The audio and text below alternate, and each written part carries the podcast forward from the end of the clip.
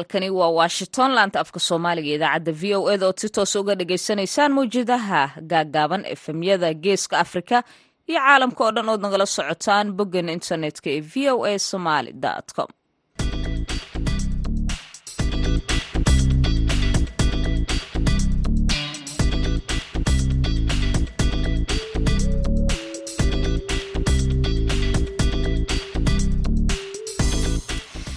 duhur wanaagsan dhegeystayaal waa maalin arbaco ah oo bisha julaayana ay tahay sagaal iyo toban sanadka labada kun iyo saddex iyo labaatanka afrikada bari saacaddu waxa ay tilmaamaysaa kowdii iyo barkii duhurnimo. Idaacadda duhurnimo ee barnaamijka dhallinyarada maantana waxaa idinla socodsiin doonta anigoo ah sahre cabdi axmed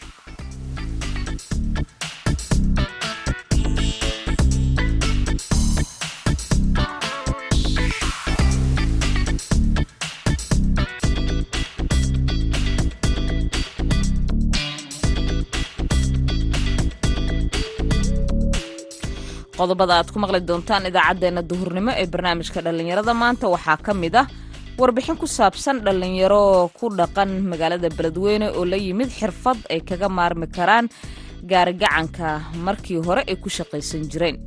Waxaa igu dhaliyey maadaama aan markeygii hore aan ka soo bilaabay shaqada gaari dameer gaari dameerkii maanta maanta dadka ay ka tageen oo meelo dheerdheer oo baalka baabuurka ay gaarayo ousa gaari karin iyo nafleydaas uquubada ku imaanaysa anaga ka fikiri ayaan iska dhaafay ilaahay daris aaga tagi ilaahayna wuxuu igu bedelay maasha allah bedel ka khayr badan maadaama nafleydii laba iyo tobankii ii taagnaay waxaad sidoo kale dhegaysan doontaan magaalada boorame oo lagu qabtay kulan looga hadlay dhowrista xuquuqul insaanka. Ciyaarihii iyo qodobo kale ayaan idiin haynaa balse marka hore waxa aad ku soo dhowaataan warkeennii dunida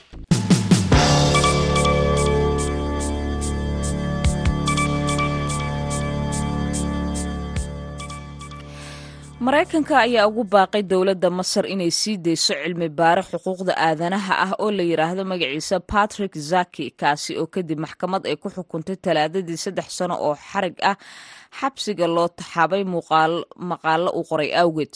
Maxkamad ku taala magaalada niil delta ee mansuura ayaa zaki ku xukuntay faahfaahinta warar been ah maqaalo uu ku qeexay takoorka ay la kulmaan dadka masiixiyiinta ee dalka masar waxaan ka walaacsannahay xukunka saddexda sano ee difaacaha xuquuqda aadanaha masar batrick zaki ku dhacay. Waxaa sidaasi lagu yiri waaxda arrimaha dibadda ee maraykanka barteeda twitterka qoraal la soo dhigay.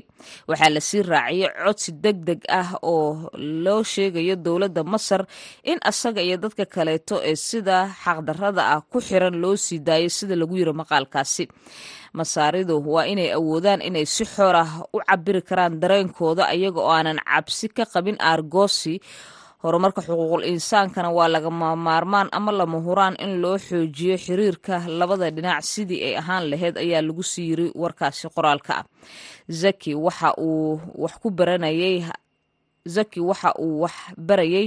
Arday ka qalinjibinaysay dalka talyaaniga xagga muuqaalada markii la xiray booqasho uu ku tegay masar bishii febraayo labadii kun iyo labaatankii. Waxa uu labiyo labaatan bilood xabsi ku jiray ka hor inta aanan maxkamadda la soo taagin oo xukunka lagu ridin.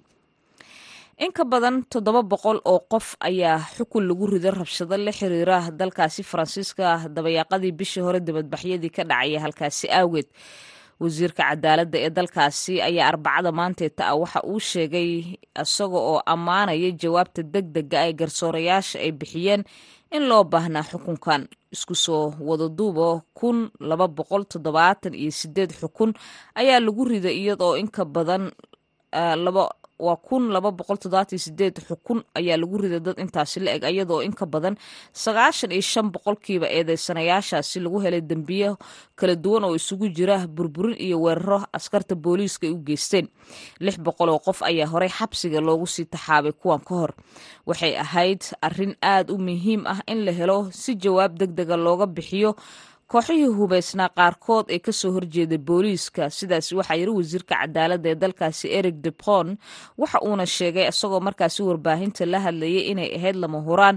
In dib loo yegleelo ayuu yiri kala dambeyntii qaran rabshadihii ugu xooganaa ee abid ka dhaco magaalooyinka dalka faransiiska ayaa tan iyo labadii kun iyo shantii ay noqonayaan bilowgii toddobiylabaatankii bishii juuna ina dhaaftay kuwii dhacay waxaana askarta booliisku ay toogasho ku dileen wiil toddobiyo toban jir ahaa oo asalkiis uu ka soo jeedo waqooyiga afrika kaasi oo markii falkii hakinta baabuurkiisa iyo dilka ay booliisku isugu dareen magaalada baariis ay ka dhaceen rabshado aan horey loo arag oo qaatay afar cisho.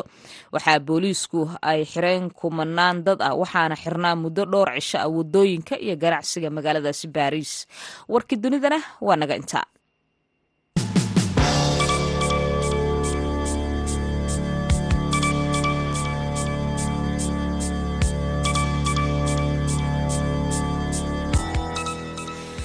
halkaasi aad naga dhagaysanaysaan waa idaacaddeenna duhurnimo ee barnaamijka dhallinyarada.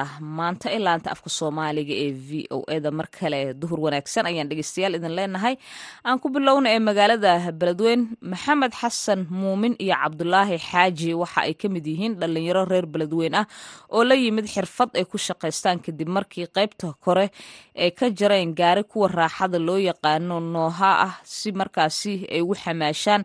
Inta badanna ay ugu qaadaan waxyaabaha dadku ay u baahan yihiin si markaasi qalabaysan gaar ahaana qalabka dhismaha guryaha ay ku qaadaan iyo khudaarta kuraasta iyo agabyada kaleeto. Haddaba wariyaha v o da xuseen xasan dhaqane ayaa warbixintan waxa uu ka soo diray labadan dhallinyarada ah oo uu la kulmay iyo sida ay u farsameeyeen gaadiidkan dhallinyaradan ayaa markoodii hore waxa ay ku xamaalan jireen gaari dameero iyagoo hadda kaga maarmay farsamadan cusub dhibkii ay hore u qabeen maxamed xasan muumin ayaa v o a uga warramay waxyaabaha ku dhaliyey inay jaraan gawaaridii raaxada loogu talagalay iyo sida ay ugu shaqaystaan. Ayadoo dahan ayaan soo gooyey kadib baan jaray. Ani ayaan ka shaqeeyo sida hadda ay tahay aan ka dhigin manaha. Qaabka hadda lagu shaqaynayo anaa ka dhigin muga markeedii hore soogaday nooha dahan oo daboolanay ahayd. Waxaa ugu dhaliyey maadaama aan markeygii hore aan ka soo bilaabay shaqada gaari dameer gaari dameerkii maanta ma dadka ay ka tageen oo meelo dheerdheer oo baalka baabuurka ay gaarayo igousa gaari karin iyo nafleydaas cuquubada ku imaanaysa anaga ku fikiri ayaan iska iska dhaafay ilaahay darsi aga tagi. Ilaahayna wuxuu igu bedelay maasha allah bedelka khayr badan maadaama nafleydii laba iyo ii taagnaay quracdaas ii taagnaay maadaama aan dar allah aga tagay ilaahay waxaa nolosheeda ku maareystoon dembina iigu imaanaynin oo ilaahay iigu bedelay maasha allah wallaahi maasha allah qaab kasto ay noogu imaataa shaqada u qabanaa hadday tahay cid la raraayo hadday tahay ii sheeg ma garanaysaa alaab la qaadayo dhismo. Hadday tahay ma garanaysaa inaan qara lagu daabulo iyo waxyaabaha dadka daruuriga u ah aan ku qabanaa nolosheena maalmeedna ayadaan ka soo saaranaa maasha allah cid bini aadan oo iga caabisa male ilaahay wuxuu i sii iyo waxaana aan shaqaystay iyo waxbaan isku habeystay maasha allah cid igu taageertay male maxamed xasan nolosha labadiisa reer waxa uu ku maareeyaa dhaqaalaha uu ka helo xirfadda xamaalka inkastoo mararka qaar uu dareemo dhibaato uu kala kulmo ciriiriga waddooyinka iyo gaadiidka oo fara badan awgeed. Haddana waxa uu aaminsan yahay inaanu jirin shaqo kale oo uu la mid dhigo midda uu xilligan haysto. Wallaahi boqolkiiba boqol eerkeyga hadda ani laba heer baan leeyahay maasha allah. Boqolkiiba boqol nolosheeda maalmeed iyo arrimaheyga gaarka iyo kulli ayada ayaan ku qabsadaa maasha allah marmarka qaarkood oo waddada isku xirato sida bajaadu magaalada qabsatay oo magaalada aga tagi rabno oo waddada naga xirta maayan caqabada kale oo hadda igu qabsata mase igu aasto oo ma dhibaato ee ma jirto. Diyaaradda boqolkiiba boqol hal mar ay nagu dhibtaa halkaas marle dadka maba noo qabsadaan waxaa qaarka dadka isku mid oo qaar ilaahay amarkiisa yaqaanaa jiro waxba kama soo qabtaan marka. Inkastoo ilmahayga ay riiriyin guli hadda waxbarasho aan geymale laakiin xooga ugu roon ayaa rabaa inaan dow ilaah yaraa bilahan soo socdo gudahooda inaan geeyo insha allah ijaar baan ka dhiibaa korontaan ka dhiibaa hadduu ilaahay kuu diidan laba heer baan ka biishtaa korontaan ka dhiibaa biyaan ka dhiibaa nolol maalmeedkeyga iyo nolosheyda hadda caadige caadiga igu kaafisay micnaha wax allaale wuxuu ilaahay naaga qadarana waa ku helnaa habeenkii oo kale cidaa dhaca wanaana raaba mar aadnaa adi si allaale say noogu imaatay qaab allaala qaabka shaqada noogu imaataa u shaqaysanaa wallaahi suuqu isku mid maaha maalin labaatan maalin soddon maalin soddon iyo shan afartan adi maalinta waa shaqayni markaan dhahno boqol boqol labaatanaa ku xisaabtanaa cabdulaahi xaaji waa nin markii hore gaarigacmeed wax ku xamaali jiray. Waxa uu la jaanqaaday isbedelada kala duwan ee xirfadaha xamaalka ilaa ugu dambeyn uu la yimid. Xirfad cusub oo ah in gaari nooha ah uu dusha sare ka jaro si uu alaabaha ugu qaado. Nin xoog xamaalitaanska mageyga gaarigaca shaqey jiri wajaajada soo baxday cimiladu isbedesha waan dadaalay gaari gacankii markan iska dhigi kabacdi xamaaliga kaloo caadiya iska galay. Gaari dameeraan gatay gaari dameerka alxamdulillah iska bedeli moojada saddex lugile u bedesha haddana noohaan gatay noohadaasa ku xamaashtaa xawaaskiiga nooleh shaqadana ku maaraya xoogigaas muruqmaalkaasa ku maaraya haka waxbarashadaas alxamdulillah waana ka dhiibaa bishoo iska murugsadaa dhuuntii oo iska jaraa noocadan anigaa gooyey sida kuma soo gadan waan jaray. Labiyo tobankaa soo oo subaxnimo maqribkiina waa ka baxnaa. Nolbuusa uurkiisa og inuu nolbu dadaalay waa gaaraa leeyiri ninkii rabbina kuusha ma diida nolkii ulboo dadaalo hormar waa umugaara amba gaari ka bilaabay hoosha wagaa maxamed xasan muumin ayaa dhallinyarada soomaaliyeed waxa uu tala ahaan u jeediyey in waddankooda ay shaqo ka abuurtaan halkii ay u hanqaltaagi lahaayeen dal shisheeye oo la garan karo. Dhibaatooyinka ay dhallinyarada soomaaliyeed kala kulmeen qurbaha. Hadday noqoto qolo beeraleeyi hadday noqoto inay micnaha sidaa dhahaad xirfadda aan ku shaqaysanayo kale oo inay nooca ay jirtaan ama xirfado kaloo badan oo lagu shaqaysto waddanka laaga shaqaysto laga soo saartaa jiree hadday ay la imaadaan hadday noqoto inay beer fashtaan hadday noqdaan inay dusha wax ku qaadaan. Intay waddan gaalo ama waddan micnaha dalkooda ahayn ay aadi lahayen badaha ku dhammaan lahayeen ninkooda oo ayaga ugu dhinto oo joogo oo ku qodo ku quuto ayaa kula talin lahay baashaan. Xuseen xasan dhaqane v o a beledweyne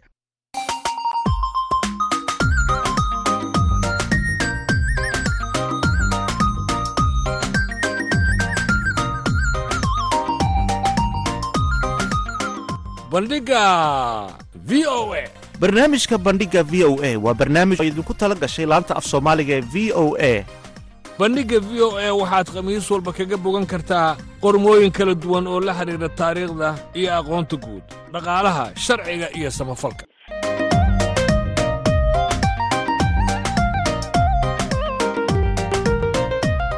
Haddii aad rabto inaad wax ka ogaato taariikhda dunida iyo aqoonta guud ha moogaan bandhigga v o a.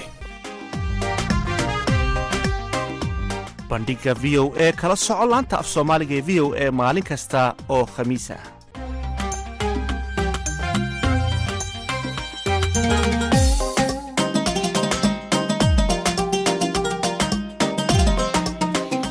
Markana aan ku yara nasanno dhinacii kaalimaha heesaha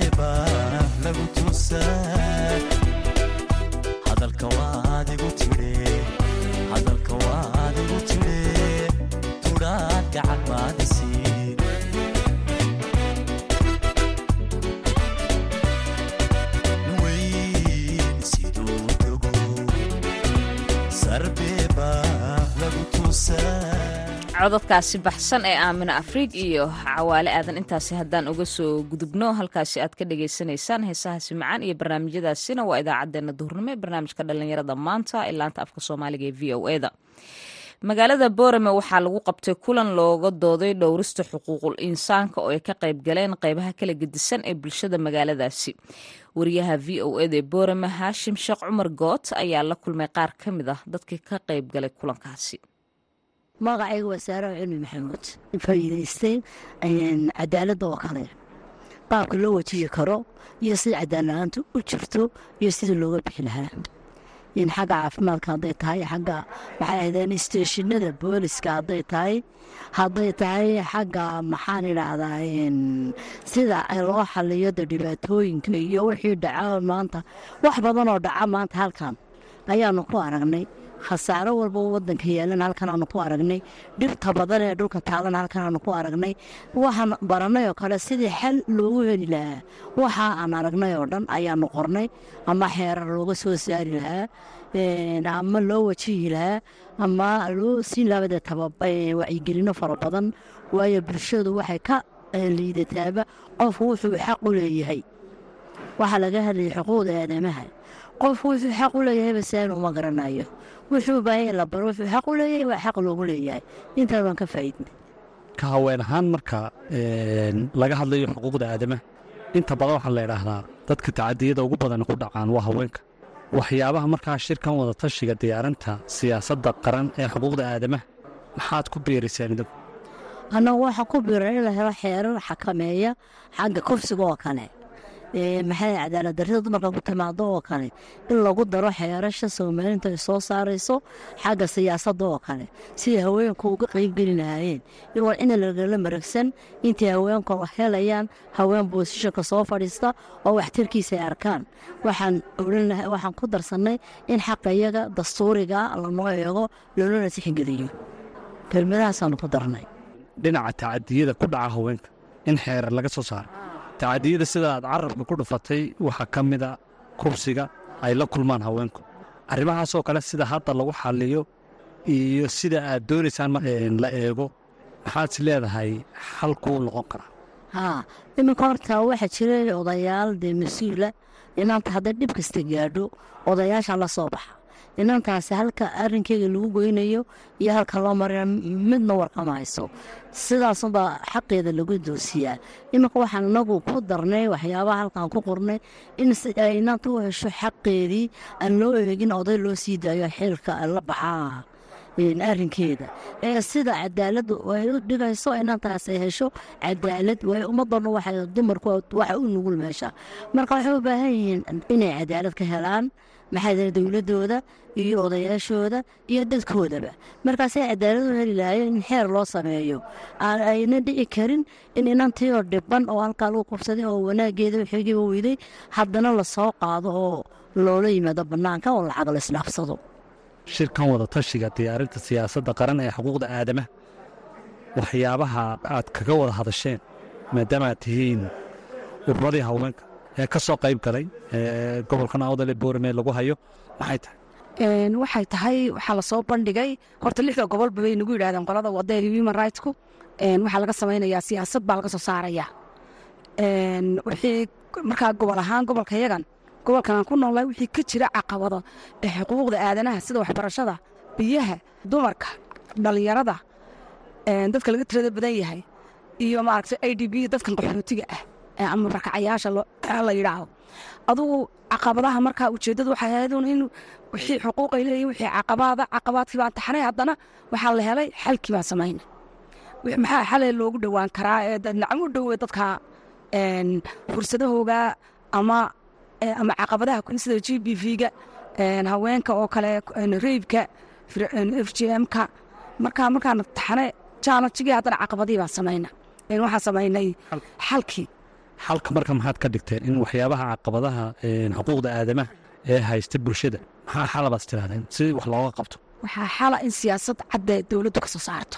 Taasaan oo markaas qodobo la qodobeeye qodobada aad ka soo saarteen markaa ee aad u gudbiseen in lagu kordhiyo ama xeerasha lagu soo saaro maxaa ka mid a in waxaa ka mid ahaa sida saxaafadda ku jirta iyadoona in xeer loo sameeyo islama saxaafadda oo ka cabata caburin oo kale marmarka qaarkood ama waaraalaan lagu xidho taasoo kale waxaan ka soo saarnay aan xeer dowladduna xeer cad ka samayso saxaafadda. Haashim sheekh cumar good v o a boorama mahadsanid haashim markana puntland. Qaar ka mida culimmada puntland ayaa war ay soo saareen waxa ay kaga hadleen oo ay ka digeen in dagaal mar kale uu ka dhaco magaalada garowe ayagoo sidoo kaleetana soo jeeday in waxa laysku hayo laga heshiiyo. Nuxurka haddaba war-saxaafadeed bayaana oo ay soo saareen culimmadaasi waxaa soo jeedinaya warbixintan nooga soo diray wariyaha v o eda nuux muuse birjeeb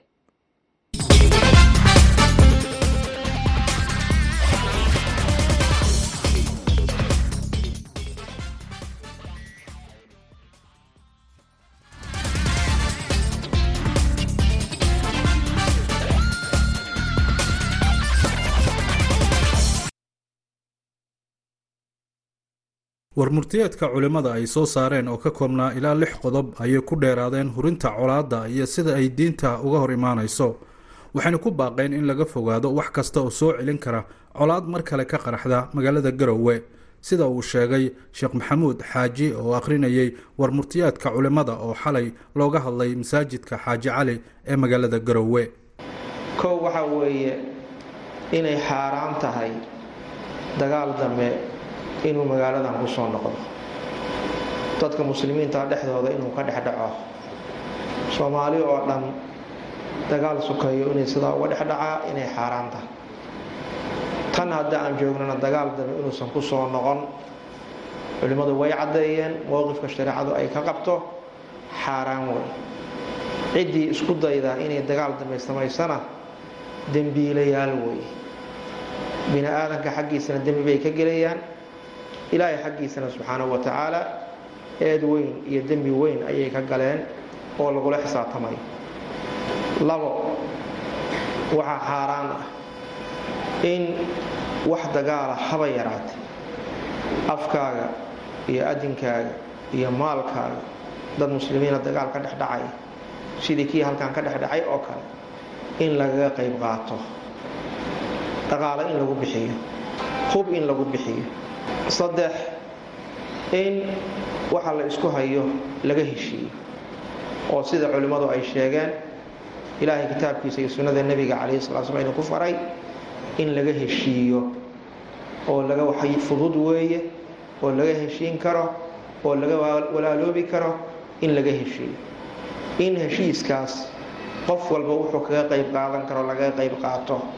Isnimada hadda ku jira si gaar ah ayaan ugu ducaynaynaa ilaahay inuu ku guuleeyo waana u mahad celinaynaa afar in nidaamka iyo kala damaynta in la ilaaliyo. Culimmadu waa ku dheeraadeen haddii kala dambaynta iyo nidaamka iyo dowladnimadu ay burbudho ninna ka faa'iidi mayo khibrad baynu u leenahay haddaan soomaali nahay waxaynu ku cibro qaadanana waa aragnay. Nidaam la burburiyo waxa ka yimaada. Maanta dhinacyadoo dhan waa isku waafaqsan yihiin dagaal dame haddii magaaladan uu ka dhaco in lagu wada khasaaray wax ka faa'iidaynaya aanay jirin. Waxa sidaa markaan isugu waafaqsannahay waa inaanu soo noqon. Shan iclaamka mas'uuliyad baa saaran ama facebook ha noqoto ama idaacadaha ha noqoto ama tviyada ha noqoto. Cid walba oo codkeedu dadka uu gaaray mas'uuliyadda saarana waxa weeye ilaahayna uu kula xisaabtamayo in ay wixii islaax iyo wanaag ah waxa jira inay kaga hadlaan oo keli ah. Fidnada inaan la buunbuunin inaan la warin sabab inaan loo noqon wax dame inay dhacaan qof walboo carabkaaga ilaahay waa kuula xisaabtamayaa iyo gacantaada ka ilaasho fidnadaas inaad qeyb ka noqoto. Iclaamkuna haddee waa qeybta ugu xooga badan oo xilku uu fuulayo culimmada ayaa sidoo kale ka hadlay sida loogu baahan yahay in ay cadaalad iyo xuquuqdooda helaan dadkii ku geeriyooday ama ku waxyeeloobay dagaalkii bishii hore ka dhacay magaalada garoowe. Ugu dambayn dhib baa meeshaan ka dhacday. Dhibtii dhacday waxa hadda jira waa laga heshiinaya. Dadkii ku dhacday xaq bay leeyihiin xaqoodii waa in loo celiya ama dadkii dhintay ha noqdeen ama dadkii dhaawacmay ha noqdeen ama dhibaatadii iyo khasaaradii dhacday ha noqdeen xaqaas waa la yska rabaa. Ciddii qaadi lahay waa laga rabaa. Qofka bini aadankaah muslimka ah naftiisa iyo maalkiisu hadur marna ma noqoto lagama gudbi karo. Waa in meel la saaraa. Iyadana haddii ilahay idmo ilaahay waxaan ka baryaynaa inuu inoo dambi dhaafo ilahay inuu inoo naxariisto fidnadaasina mar dambe inaana ina ku soo laaban. Hadalka culimmada ayaa ku soo aadaya xilli cabsi ay shacabka ka muujinayaan suurtagalnimada dagaal mar kale ka dhaca magaalada maadaama aan xal laga gaarin weli arrimihii dhaliyey dagaaladii hore. Nuux muuse birjeeb v o a garowe. Markana dhinacii heesaha aan ku yaro leexano guulad simba codkiisa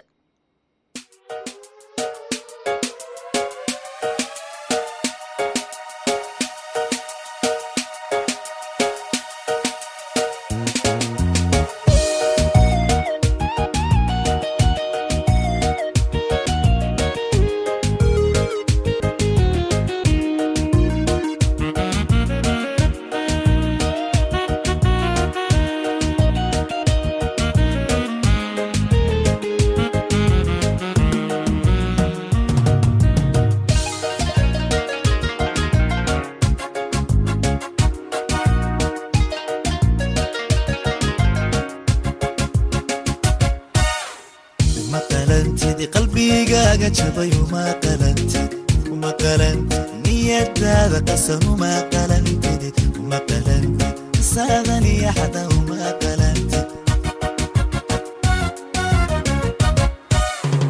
uma qalantid qalbigaaga jabay uma qalantid uma qalantid niyadaada qasan uma qalantid uma qalantid qisaadan iyo xada uma qalantid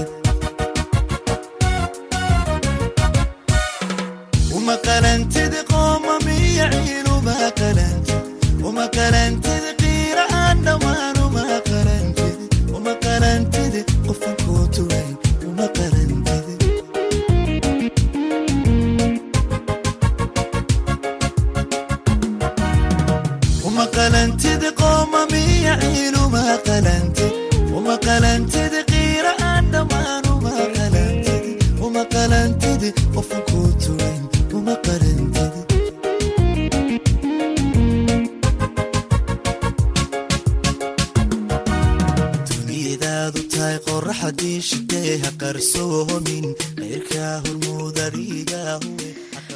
codkaasi guuleed simba iyo heeskaasi uma qalintid ayaan idaacaddeenii ku soo gabagabeynaynaa barnaamijka dhallinyarada maanta. Intaynu mar kale kulmi doono waa sahre cabdi axmed iyo dhammaan bahda v o edo idin leh isma dhaafno